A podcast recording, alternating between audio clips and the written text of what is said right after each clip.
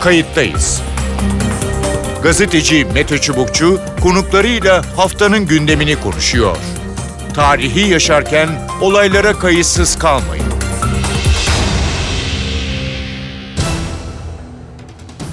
İyi günler bir kayıttayız programıyla daha karşınızdayız. Tarihe ışık tutmak ve olan biteni anlamak için önümüzdeki dakikalarda sizlerle birlikte olacağız. Ben Mete Çubukçu, editörümüz Sevan Kazancı.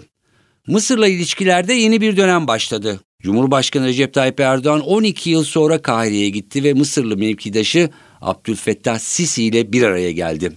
2013 yılında askeri darbenin ardından kopan ilişkilerin tamiriyle bölgede yeni bir denklem oluştu. Hem Akdeniz'de hem de bölgesel risklerin çözümü konusunda artık Ankara ve Kahire yakından çalışacak. İki ülke ortak bildiriye imza atarak siyasi, ekonomik, ticari ve savunma alanlarında ilişkilerini derinleştirmeyi taahhüt ettiler. Kayıttayız da bu hafta Cumhurbaşkanı Erdoğan'ın Kahire temaslarını, bunun getirilerini konuşacağız. İki konuğumuz olacak. Kayıttayız'ın konuğu Gülru Gezer. Gülru Gezer eski diplomatlardan ve TEPAV Dış Politika Programı Direktörü. Hoş geldiniz programımıza. Hoş bulduk Mete Bey. İyi yayınlar diliyorum. Evet bu hafta e, çok uzun bir aradan sonra e, bölgenin iki önemli ülkesi Türkiye ve Mısır'ın e, yeniden ilişkileri yoluna koyma tabiri caizse sürecine girildi. Cumhurbaşkanı Recep Tayyip Erdoğan Kahire'deydi. Bir takım anlaşmalar yapıldı ve e, 12 yılda açılan ara belki daha hızlı kapatılmaya e, çalışılacak. E, ilk sorum şu olsun e, size. Nedir yani bölgede Türkiye ve Mısır'ın önemi o kadar önemli midir?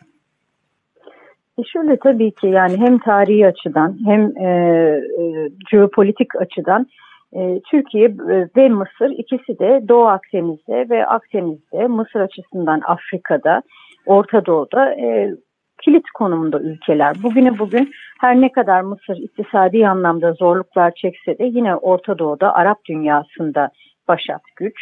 Ee, sözü dinlenilen bir ülke. Mesela Gazze Savaşı'nda düşünecek olursak yine ara bulucu e, Katar'la beraber. E, Türkiye zaten o Orta Asya'dan Balkanlara e, çok geniş bir alanda nüfuzu olan bir ülke.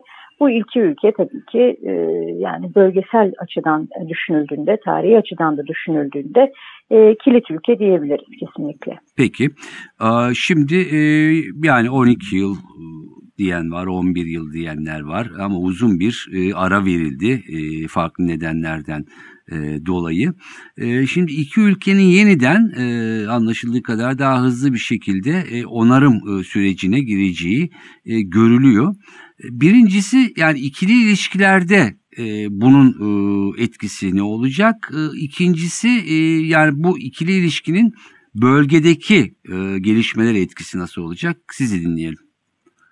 Mete Bey, e, ikili ilişkilerin daha hızlı bir şekilde ilerleyeceğini düşünüyorum. Tabii bunu söylerken de şuna da vurgu yapmak isterim. Aslında siyasi düzlemde ilişkilerde iniş çıkışların olduğu bu son 10 küsür yılda ticari ilişkilerimiz bizim gelişti. Mesela LNG'ni en fazla Mısır'ın LNG'sini alan ülke Türkiye. Bu son 10 yılda veya 11-12 yılda bu değişmedi aslında baktığımız vakit. Bir işte 10 milyar dolarlık bir ticaret hacmi var. Bunun 15 milyar dolara çıkartılması söz konusu. E bizim Türk iş insanlarımızın orada yatırımları yaklaşık 2,5 milyar dolar. Bunun da yine iki katına çıkartılması söz konusu. E, yani ticari, iktisadi düzlemde, turizm, beşeri konularda ilişkilerimiz çok daha hızlı aslında gelişecektir. E, enerji alanında buna tabii dahil etmek lazım. Çünkü son e, ziyarette e, aslında enerji alanında da e, bir e, belirli adımlar atıldı. Savunma sanayi tabii ki burada önemli. Dolayısıyla ikili konularda daha hızlı e, ilerleme kaydedebileceğimizi düşünüyorum. Bunlar muhakkak ki bölgesel konulara olumlu etkileyecektir ama bölgesel konular derken özellikle Doğu Akdeniz'de ve Doğu Akdeniz'deki doğal kaynaklar düşünüldüğünde bu şimdi son işte bizim aramızın iyi olmadığı dönemde malumunuz e, Mısır, işte GKR ile Yunanistan ve farklı ülkelerle Türkiye'nin ve KKTC'nin aleyhine olacak bir takım e, bölgesel girişimler e, başlattı ve içinde yer aldı. Hı hı. E, bunların tabii e, Türkiye'yi kapsayacak şekilde Doğu Akdeniz'deki e, doğal kaynakların hakça paylaşımı amacıyla atılacak adımlar bunlar biraz zaman alacaktır.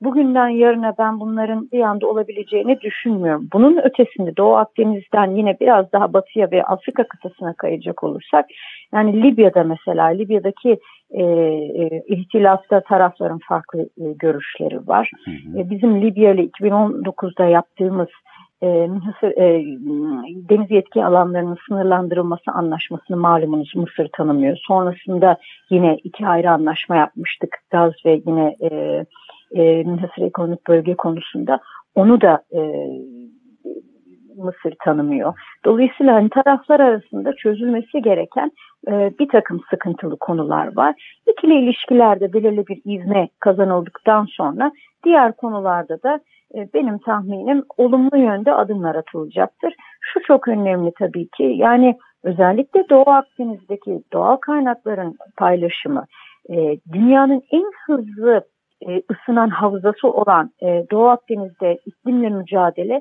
Türkiye'siz olmaz. Yani bunu e, net bir şekilde görmek lazım. Dolayısıyla Mısır'ın Türkiye'de içine katacak bölgesel girişimlere sıcak bakması, diğer ülkeleri de bu yönde teşvik etmesi her şeyden evvel kendi çıkarını olacaktır diye değerlendiriyorum. Ama temkinli bir ilerleyiş olduğunu görüyoruz. Hı hı. Yüksek düzeyli işbirliği, stratejik işbirliği konseyi toplantısının yapılması söz konusu. Yeniden canlandırması konusunda taraflar bu ziyarette mutabakata vardılar. İşte e, Abdülfattah Sisi herhalde önümüzdeki dönemde Türkiye'ye gelecek. O bir tabii ki ilave bir ivme kazandırmış olacak. Ama özellikle bölgesel konularda biraz daha zaman alacağını düşünüyorum. Ben tam olarak e, Türkiye ile Mısır'ın en etkin şekilde işbirliği yapması açısından. Evet. E, bu arada e, en sıcak konu Gazze, Filistin meselesi. E, herhalde e, burada e, belki bugünden yarına ateşkes barış olmasa bile bir takım e, yardımlar efendim işte hastaneler vesairelerin olması e, Mısır'ın da e, İsrail ilişkisi, Gazze sınırı e, dolayısıyla herhalde en hızlı işbirliği e, burada gerçekleşir diye düşünüyorum. Siz ne dersiniz? Kesinlikle katılıyorum. E, zaten Gazze e, iki taraf arasındaki ana gündem maddelerinden biriydi e, toplantıda konuşulan. E, nitekim Sayın Cumhurbaşkanı da dün e, dönüşte yani uçaktaki dönüşte açıklamalarda bulundu bu yönde. Tabii ki bu savaştan en fazla tedirgin olan ülke Mısır özellikle İsrail Refah'a yönelik bir kara operasyonu başlatacağı yönünde e, işte bir takım bilgiler söz konusu. Öyle bir talimat verdiği e, Netanyahu'nun söyleniyor. E, daha doğrusu öyle bir talimat var ortada.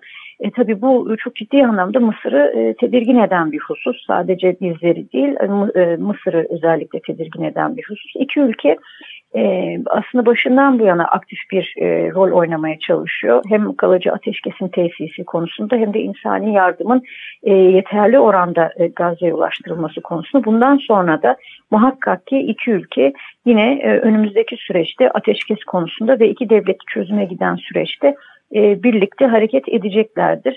Yani burada baktığımız vakit Mısır'ın ve e, Türkiye'nin e, tutumu aslında Gazze'ye yönelik olarak örtüşmektedir. Hatta geçtiğimiz günlerde Hamas işte oluşturulacak bir dört buçuk aylık bir kalıcı ateşkes ve belki sonrasındaki hı hı süreçte garantör ülkeler arasında Mısır'ı da saydı, Türkiye'yi de saydı.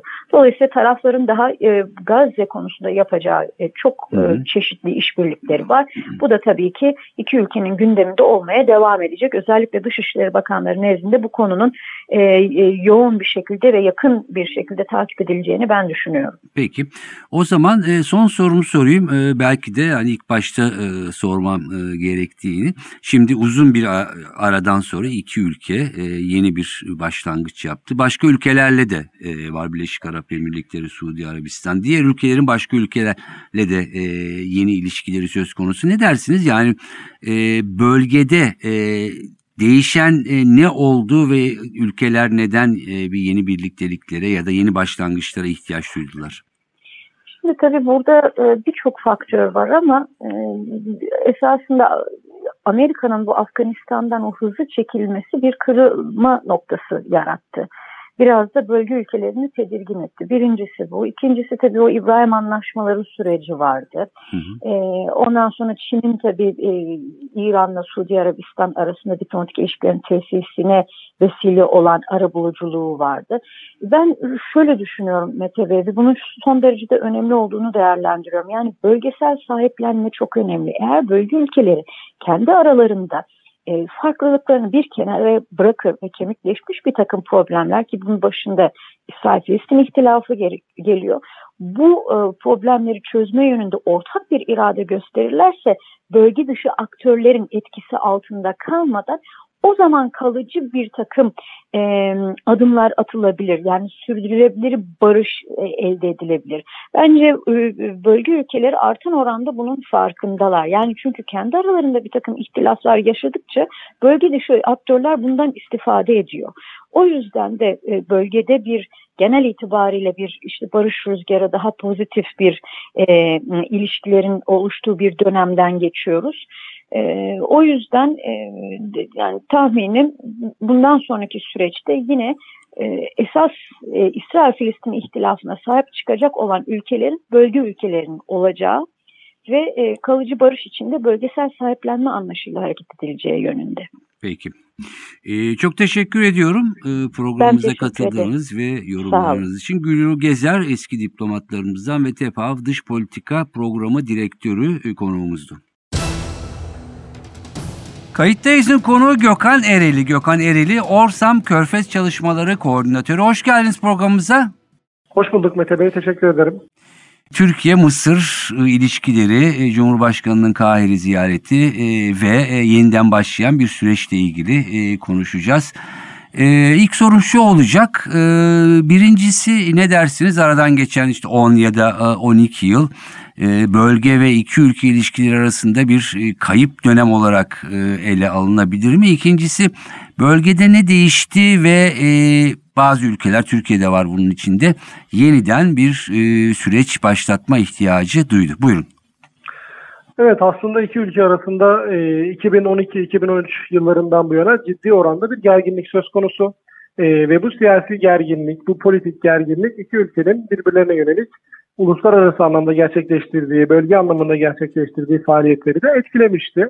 Mesela bunlardan birincisi e, Cumhurbaşkanı'nın e, ziyareti gibi e, görebiliriz. Mesela bu gibi ziyaretler e, gerçekleştirilmiyordu ve iki ülke arasındaki ilişkiler çok düşük seviyelerden devam ettiriliyordu. Hı hı. Fakat bu geçen 10 yılı e, kayıp bir dönem olarak e, bahsetmekten e, ziyade hı hı. iki ülkenin ilişkilerini geliştiremediği ve gergin olarak geçirdiği bir dönem olarak addedebiliriz. Hı hı. Çünkü gerek Cumhurbaşkanı Erdoğan ve gerekse de e, Cumhurbaşkanı Sisi'nin ifadelerinden anladığımız üzere halklar arasındaki ilişkiler devam ediyordu. İki ülke arasındaki ekonomik ilişkiler belirli oranda devam ediyordu. E, dolayısıyla sadece siyasi bir gerginlik vardı ki dönem dönem askeri gerginlik seviyesine kadar da bu gerginliğin biz çıkabileceğini görmüştük. Dolayısıyla kayıp bir dönem olarak ifade etmek yerine hı hı. gergin ilişkilerin olduğu ve bu gerginliğin gerek ikili ilişkilerde gerekse de bölgesel meseleler sebebiyle ortaya çıktığını söylemekte fayda var. Peki. Şimdi, Hı, buyurun. E, şimdi bunun üzerine e, şimdi ne oldu da iki ülke tekrardan e, ilişkilerini bu aşamada gerçekleştirmek istiyor. Temelde burada birincisi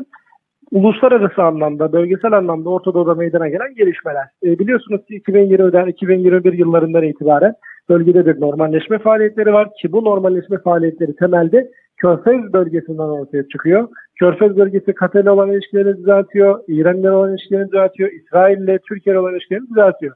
Ve bütün bu normalleşme iklimi aslında Türk dış politikasında da uzun dönemdir sorun olan mesela Mısır gibi, Suudi Arabistan gibi, Birleşik Arap Emirlikleri gibi hatta Orta Doğu bağlamından da kopararak Yunanistan ve Ermenistan gibi ülkelerle de normalleşmeyi beraberinde getirmişti. Dolayısıyla burada değişen gerek iki ülkenin e, siyasi iradesini ortaya koyması yani normalleşme anlamında gerekse de bölgesel normalleşme mefhumu olduğunu söylemekte fayda var.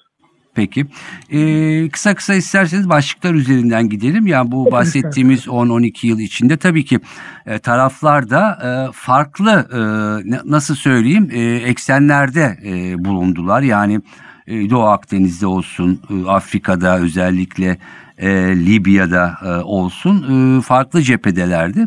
E, şimdi e, özellikle e, Mısır Devlet Başkanı Sisi Libya konusunda konuşurken basın toplantısında ya bir an önce başkanlık seçimi, e, parlamento e, ve ortak bir ordu dan e, bahsetti. E, ne dersiniz? Yani bu Libya'nın ikiye bölünmüştüğü ki bir tarafta Türkiye, bir tarafta Mısır var. Başka ülkeler de var ama ana iki ülke.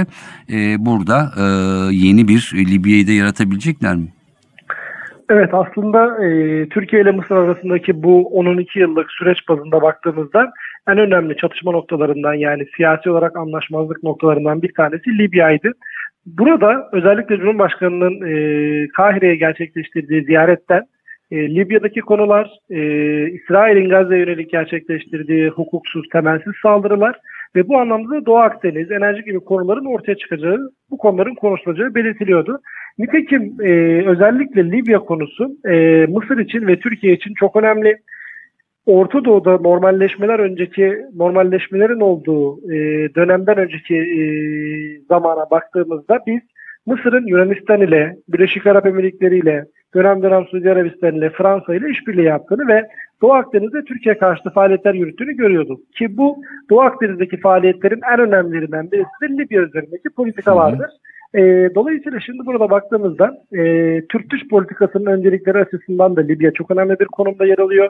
Çünkü Doğu Akdeniz'in e, en önemli parçasından birisi biliyorsunuz ki Libya'nın e, boyutu ve Türkiye'nin Libya ile ilişkileri. Hı hı. E, burada özellikle biz e, mesela Libya'daki e, yabancı terörist savaşçıların Libya'dan çıkartılması, Libya'nın Libyalılara yani milli bir e, hükümete teslim edilmesi ve iki başlılığın sona erdirilmesi anlamında Mısır ve Türkiye'nin her konuda anlaştığını söyleyemesek de beraber çalışma iradesini gösterdiklerini buradan anlayabiliyoruz.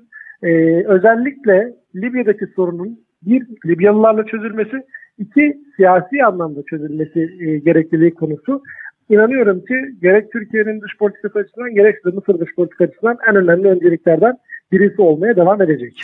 Evet e, belki de yani e, önemli gelişmelerden birisi ya da yeni olanlardan e, bilmiyorum yani e, yanılıyorsam siz düzeltebilirsiniz. İki ülke arasındaki e, savunma işbirliği dendi. Buradan da zaten medyaya da yansıdı e, kamuoyuna Türkiye'nin e, SİHA satacağı e, Mısır'a e, bu bunu nasıl değerlendirirsiniz? Önemli midir? Evet kesinlikle. Ee, burada özellikle Türkiye'nin savunma sanayine yaptığı yatırımların biz e, sadece Mısır'la olan ilişkilerinde değil, Libya'da kullanıldığını, e, Türkiye'nin terörle mücadelesi bağlamında Suriye ve Irak'taki operasyonlarında kullanıldığını ve Azerbaycan-Ermenistan savaşında Azerbaycan lehine nasıl sonuçlar ortaya çıkarıldığını gördük. E, ve tabii ki burada sadece SİHA olarak değil, Türkiye'nin savunma sanayi anlamında yani bir savunma sanayi askeri teçhizat tedarikçisi ülke olarak Hı. konumuna yükseldiğini görüyoruz ve bu şu açıdan önemli. Orta Doğu'da biliyorsunuz e, Amerika Birleşik Devletleri'nin, Rusya'nın, Çin'in etkisi her daim çok yüksek. Ama bu dönemlerde biz bu etkilerin azaldığı bir döneme giriyoruz. ABD'nin işte Afganistan'dan çekilmesi, Suriye'den çekileceği iddiası ve Körfez ülkeleriyle ilişkilerini belirli seviyelere indirmesi e, bu açıdan Rusya-Ukrayna savaşıyla da beraber düşündüğümüzde süper güçlerin, büyük güçlerin artık Orta Doğu'dan biraz daha angajmanlarını azalttığını görüyoruz. Bu neye sebep oluyor? Temelde bölge ülkelerinin birbirleriyle daha fazla ilişkilerini güçlendirmesine sebep oluyor. Nitekim burada Mısır'ın 110 milyonluk bir nüfusu var. 450-460 milyar dolara yakın bir gayri safi yurt içi hastası var. Türkiye'nin de yine 1 trilyon dolara yaklaşan bir ekonomi olduğunu ve G20 üyesi ülke olduğunu düşünürsek bu iki ülke arasındaki ekonomik, sosyal, siyasi, askeri ilişkiler her iki ülkeye de fayda sağlayacaktır. Dolayısıyla temelde aslında ziyaretten de gördüğümüz gibi ekonomi, ticaret, yatırım alanları gibi e, alanlardan ziyade savunma sanayi gibi stratejik alanlara e, yönelik ilgi gösterilmesi Türkiye'nin de Mısır'ın da bu ilişkileri ilerleteceğinin en büyük göstergesi ki zaten hali hazırda Mısır Türkiye'nin Afrika'daki en büyük ticari orta. Evet. E, bu ziyaret sırasında biz e, ikili ticaret hacminin, karşı ticaret hacminin 15 milyar dolara çıkarılması e, gerektiğini, bu hedefin iki lider tarafından da ortaya konulduğunu gördük. Ki burada savunma sanayi ürünleri de bu ticaret hacmine ciddi oranda katkı yapacaktır. Peki. Son şunu sormak istiyorum. Tabii ki en e, sıcak ve can yakıcı, can alıcı bir mesele Filistin ve Gazze meselesi. E, Mısır'ın tabii orada daha e, özel ve özgün bir yeri var. Yani komşu o tarihsel süreçte Gazze ile olan ilişkisi. Türkiye'nin tabii ki Filistin hassasiyeti. E, orada e, sanırım en sıcak olarak e, iki ülkenin işbirliğinde e, yardımlar, efendim hastaneler e, ya da ne gerekiyorsa onun yapılması belki uzun vadede de e, bir e, ateşkes barış sürecinde e, ülkelerin e, masada olması. E, ne dersiniz yani bu ilişki? Çünkü şunun için e, soruyorum. E, genelde Mısır e, yani bu tür ilişkiler yani soğuk demeyeyim ama hani kendisi alanı başkasına da bırakmak çok da Tabii. istemez. Buyurun. Tabii. Tabii temelde burada sizin de bahsettiğiniz gibi konunun Gazze olduğunu söylemek lazım. Özellikle son dönemde İsrail'in e, Refah'taki saldırılarının devam ettiği bir ortamdan geçiyoruz. Ve bu konu özellikle Mısır için ve Türkiye için de son derece önemli. E, ziyaret kapsamında Sisi nihai hedefi bağımsız bir Filistin devleti kurmak olan İsrail-Filistin barış görüşmelerinin yeniden başlatılmasının önemini vurguladı. E, nitekim iki Cumhurbaşkanı da Gazze'de derhal ateşkesin sağlanması ve Batı Şeria'da özellikle sükunetin sağlanması gerektiği konusunda anlaştıklarını ifade ettiler. Bu açıdan baktığımızda 7 Ekim olaylarından bu yana Orta Doğu'da İsrail-Filistin e, savaşının, İsrail'in Filistin elindeki hamlelerinin biz en önemli arabulucular arasında Mısır, Türkiye ve Katar'ın olduğunu görüyoruz. Tabii ki bu üç ülkenin de e, şöyle yani Katar'ı bunun dışında tutarsak özellikle Mısır ve Türkiye'nin hem Gazze'li gruplar üzerinde Hamas gibi ve diğer gruplar gibi hem de İsrail ile ilişkileri e, olduğunu söylemekte fayda var. Dolayısıyla bu ülkeler sadece Filistin'deki belirli gruplar üzerinden bir etki kurmakla kalmıyor. İsrail ile de işbirliklerini ve yani ilişkilerini devam ettirerek bu anlamda bir e, ateşkes, e, insani yardımın sağlanması, bu açıdan gerekli koridorların e, ortaya çıkarılması ve sağlama alınması gibi faaliyetlerde bütün gruplarla konuşmaya, anlaşmaya devam ediyorlar. Hı hı. Bu açıdan önemli olan nokta bence şu. E, savaşın başından bu yana biz Katar'ın, Mısır'ın ve Türkiye'nin belirli faaliyetler yürüttüğünü biliyoruz. Ama bu aşamada özellikle Türkiye ve Mısır'ın bundan sonra beraber hareket etme e, iradesini göstermesi önemli ki hali hazırda Türkiye'nin Ortadoğu'daki en büyük e, ortaklarından, en büyük ittifaklarından birisi olan Türkiye-Katar ilişkisinde biz bunun Filistin'in en büyük önceliklerden birisi olduğunu biliyoruz ve bu bağlamda Katarlı otoritelerle de işbirliği, görüşmeler, konuşmalar devam ettiriliyordu. Nitekim bu açıdan Mısır ile de bu aşamada bir e, aşama kaydedilmesi açıkçası Filistin sorununa yönelik arabuluculuk faaliyetlerindeki en yüksek aşamalardan birisini temsil edebilir diye düşünüyorum. Evet e, umarız bölge ülkeleri gereken iradeyi e, gösterir e, ve burada ateşkes ve belki daha sonrasında e, kalıcı bir e, barış e, ve yeni bir sürece girmek için e, başka yani bölge dışı ülkelere ihtiyaç e, duymaz. E, çok teşekkür ediyorum Gökhan Ereli, Orsam Körfez Çalışmaları Koordinatörü programımıza katıldığınız ve yorumlarınız için. Evet konuklarımızın görüşleri ve yorumlar böyle uzun bir e, aradan sonra bölgenin iki ülkesi yeniden e, bir arada hem ikili ilişkilerde hem de bölgedeki belki o 10 yıl boyunca e, anlaşılamayan konularda zaman içinde daha bir yakınlık e, sağlanacak ama en önemlisi tabii ki bölge ülkelerinin bölgenin kaderinde daha belirleyici olmaları ki Mısır'la Türkiye'nin konumu gerçekten Orta Doğu'da çok çok önemli. Ben Mete Çubukçu editörümüz Sevan Kazancı. Kayıttayız'dan bu haftalıkta bu kadar. Haftaya farklı bir konuda yeniden birlikte olmak amacıyla hoşçakalın. Kayıttayız. Gazeteci Mete Çubukçu konuklarıyla haftanın gündemini konuşuyor. Tarihi yaşarken olaylara kayıtsız kalmayın.